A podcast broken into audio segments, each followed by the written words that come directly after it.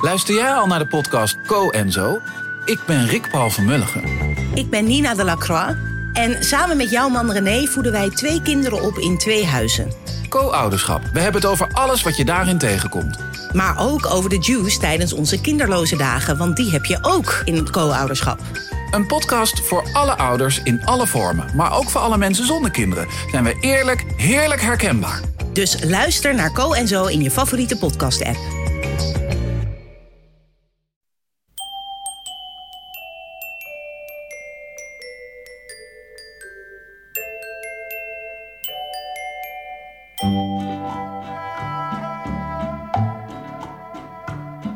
Welkom bij aflevering 431 van Echt Gebeurd, de podcast waarin mensen hun eigen waargebeurde verhalen vertellen. In deze aflevering een verhaal dat Henriette Postema de Boer in september bij ons vertelde tijdens een verhalenmiddag met als thema Frankrijk.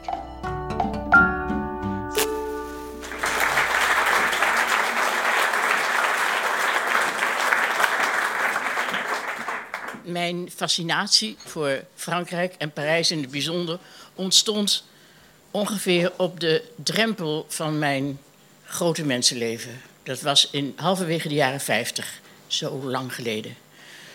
En dat was omdat ik twee boeken las. Het eerste was Le Grand Monde van Alain Fournier. En het tweede was Bonjour Tristesse van François Sagan. Dat waren een soort adolescentenboeken vol met nostalgie en waar we allemaal vol mee zitten op die leeftijd. En ik dacht, god, dat is wel fantastisch. Maar eerst moet ik toch nog even eindexamen doen. Dus dat deed ik toen. En uh, toen moest ik naar de, wilde ik per se naar de toneelschool. Want ik had op mijn uh, gymnasium altijd keurig mooie stukken gespeeld. Zo'n Sophocles en Euripides. Dus ik dacht, ik moet naar de toneelschool.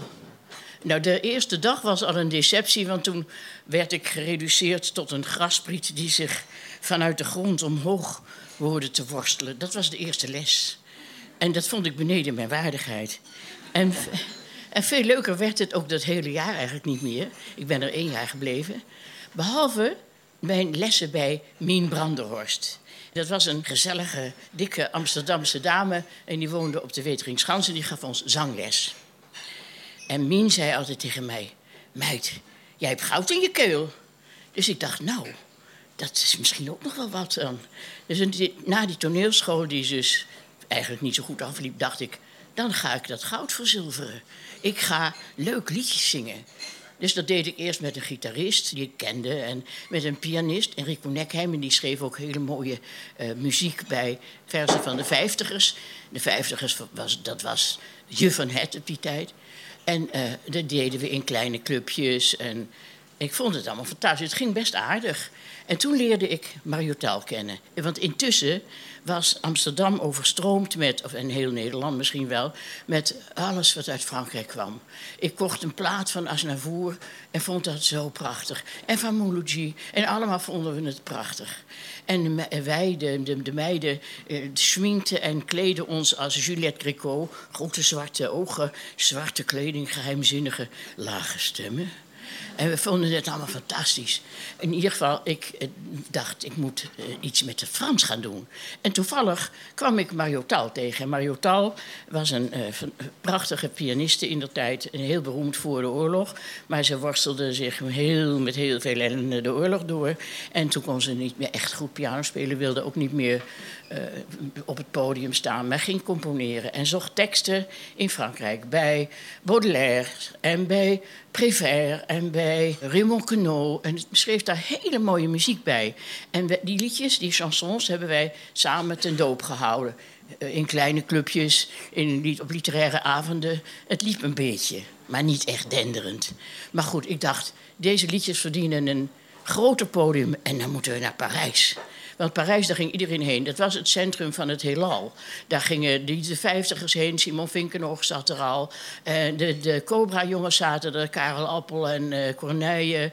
En, je moest naar Parijs. Dus ik ging naar Parijs. Maar dacht, hoe kom ik daar in godsnaam? En met de trein waarschijnlijk, maar ik weet ook niet meer waar ik het geld vandaan haalde. Want mijn moeder en mijn vader, die bemoeiden zich al toen al niet meer met mij. Ik was net 19 toen. En ik, maar ik ben er gekomen en ik had in de vakantie op Corsica kennis gemaakt met twee Franse meisjes, twee Parijs Parisiennes. Cathy en Françoise Borocco. En die woonden in de Rue Rochechouart-Soixantis. In, eh, in het negende. Dat is ergens in de buurt van Pigalle en zo daar. Zij woonden daar vijf hoog op een, in een groot appartement. Hoge kamers eh, en een beetje rare van, dit, van dat Mechelse uh, meubilair... met die dikke ronde poten en een kleed op een tafel en een heleboel stoelen. En weinig kunst aan de muur, wat me verbaasde, want die meisjes tekenden allebei. Ze tekenden voor het blad L. Maar er waren heel veel spiegels. Dus ik denk dat ze zich graag in de. En ik vond ik ook wel interessant, die spiegels. Dus ik zag mezelf voortdurend. En we hielden ieder een beetje een eigen ritme aan. Zij vertrokken s ochtends vroeg naar El, waar ze op de redactie dus zaten te tekenen. En ik ging dan naar een pianowinkeltje om de hoek, dat had ik ontdekt. Dat je daar kon studeren op een piano die ergens achter stond. Die moest nog verkocht worden of was al verkocht en mocht nog even daar blijven. En dat, dat ging allemaal prima. En s'avonds was het een dolle boel op dat appartement. Daar kwamen er allemaal vriendjes van die meiden. En uh, eentje, daar, daar, kreeg ik een, een soort kleine verhouding Nou ja, wat, hij was een beetje een oudere uh, Corsicaanse student medicijnen. Volgens mij is nooit afgestudeerd. Maar goed, iedereen moest ook blijven slapen daar in, die, in dat appartement. Want beneden, vijf, vijf etages lager, daar ging de, deed de conciërge s'avonds om twaalf uur de deur dicht, op slot. Dus iedereen bleef ergens slapen, er lagen wel matrassen of zo. Ik had een eigen kamer met een eigen matras. Maar goed, op de grond lag ook nog wel het een en ander. En soms moest ik naar mijn geliefde toe, en die woonde aan het andere eind van de stad in eh, Cité Valguerre was echt een end met de metro. En uh, mijn vriendinnen daar, die twee meiden, die hadden bedacht dat ik niet als jong meisje zomaar over straat kon. Want het was de decolonisatieoorlog van Algerije, eind 50, begin 60. En er konden op straat ontzettend veel hele en griezelige kwaadaardige Algerijnen rondlopen. Dus ik moest verkleed als... Ze, trokken me een lange jas aan en een doek om en een bril op. En ik liep met een stok als een soort oud wijf door die stad. Ben ik veilig aangekomen bij mijn geliefde. En s'avonds ging ik ook wel naar cafeetjes toe waar muziek gespeeld werd. En dan wilde ik mijn liedjes daar zingen, die liedjes van Mariotal. En... Uh, Soms lukte dat. Ik herinner me Lapin Gilles in Montmartre. En dat was zo'n beetje zo'n rokerige hol. Waar altijd wel iemand zat te spelen. Een accordeonist of een pianist. En ik had die muziek bij me. En of ik begeleidde mezelf even aan het piano. En dan mocht ik eventjes, nou, tien minuten eh, wat, wat, liedjes laten horen. En dan kreeg ik weer wat geld. En dan kon ik weer een blik doperwten en een plak ham kopen. Want dat was ongeveer mijn hele dieet, dat, die periode. En ik herinner me ook nog tomatensla. In elk geval, uh, ik dacht, dit zet geen zoden aan de dijk. Maar ik had van een Nederlandse impresario, ik zal zijn naam niet noemen... want dat is toch een beetje zijn hond uiteindelijk... die had mij het adres gegeven van een Parijse impresario. Een grote naam, want die had een paar grote jongens in zijn, en meiden in zijn stal. Dus ik belde hem op en ik mocht komen. En ik op een kille novemberdag, zo'n knisperende, heldere novemberdag in Parijs... heldere hemel en ik vol verwachting, ergens achter Montmartre was het, loop ik daarheen. En inderdaad, in dat straatje, koperen naamplaatje. Ja hoor, dat was het. Dus ik bel aan en hij doet open. En dat is een, hij, tenminste, ik denk dat hij het was. Want ik wist, misschien heeft hij een assistent. Maar hij was het zelf. Vrij kleine man, beetje gezet. Vriendelijk rond hoofd. Beetje donker haar. Komt u binnen, komt u binnen. En ik mocht aan zijn bureau plaatsnemen. En wat kan ik voor u doen? Dus ik laat mijn muziek zien en ik zeg, nou, dit is van een Nederlandse componiste. En dit zijn hele mooie liedjes. En die wil ik zo graag dat u ze mij ergens anders laat zingen. In, in een beetje structurele, uh, want ik zing ze nu her en der, maar dat gaat niet zo goed. Dus, nou, en, of dat iemand anders ze gaat zingen, want ze zijn echt de moeite waard om gehoord te worden. Had een hoger doel. En uh, vond het très interessant, très interessant. En uh, begon iets te mompelen over een agenda en, en verdween in een zijkamertje. En ik kijk ondertussen om me heen naar al die prachtige sterren die daar uh, tot zijn stal hoorden, kennelijk. En hij komt even later terug en staat in de deur, spiernaakt. En nu begrijp ik wat je onder versteend verstaat als er zoiets gebeurt. Ik, ik, en het, het, brein heeft iets raars, want ik dacht niet alleen dat ik totaal van slag was, maar ik dacht ook nog: waarom in godsnaam heeft hij zijn sokken niet uitgedaan dan? dat, kan, dat kan je brein dus doen, twee dingen tegelijk denken. maar hij kwam uh, met geheven lid strijdlustig op mij af. En ik dacht, Jezus, wat, heb ik, wat, wat wordt er van mij verwacht? Is dit zoals het hoort? Gaat dit zo? Moet ik, moet ik iets ondernemen?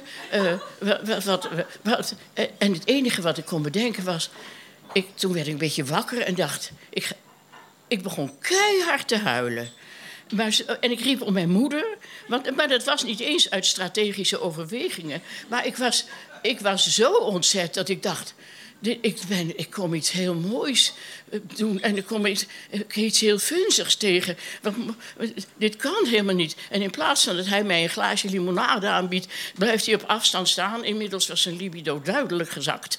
En, en, en, en, en ik gris mijn muziekje en mijn tas en mijn jas. En ik hol trillend en, en ellendig van, van, van angst en van ontzetting naar buiten.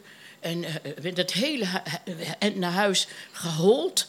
Trillend nog steeds. En hoe kan dit gebeuren? Zouden al die mooie meiden die daar zingen... zouden die allemaal dit hebben moeten doormaken? Dat kan toch niet? Het gaat om hele mooie muziek. En uh, nou, ik me heel lang onder de douche gaan staan. Dat leek me nog verstandig, want ik voelde me toch een beetje bezoedeld. Er was wel niks gebeurd, maar ik voelde me toch...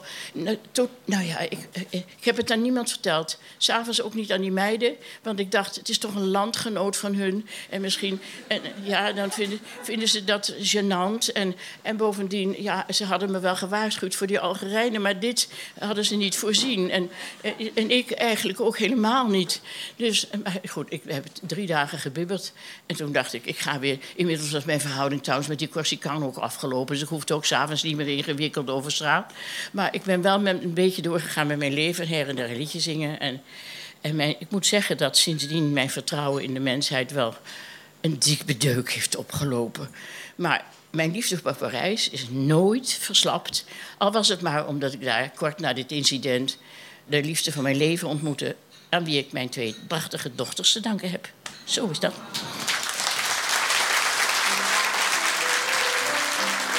Dat was een verhaal van Henriette Postma de Boer. Ze vertelde het in september in Comedy Club Toemler in Amsterdam tijdens een echt gebeurd editie met verhalen over het thema Frankrijk. Op zondag 19 november is onze volgende editie en dan is het thema telefoon. Heb jij een goed, zelfbeleefd, waargebeurd verhaal waarin de telefoon een rol speelt of een onverwacht telefoontje? Meld je dan als verteller aan via het formulier op onze website echtgebeurd.net. Als het ons wat lijkt, neemt een van onze redacteuren contact met je op. De redactie van Echt Gebeurd bestaat uit Paulien Cornelissen, Ariane Hins, Renette Kwakkenbos, Tom van Rooyen en mijzelf, Michael Wertheim. Directie Hanna Ebbingen, zaaltechniek in Toemler, Jasper van Oorschot. Podcast Gijsbert van der Wal. Dit was aflevering 431. Bedankt voor het luisteren. En denk eraan, als je goud in je keel hebt, doe er wat mee. En laat je niet tegenhouden door mannen die diepe deuken in jouw vertrouwen in de mensheid slaan.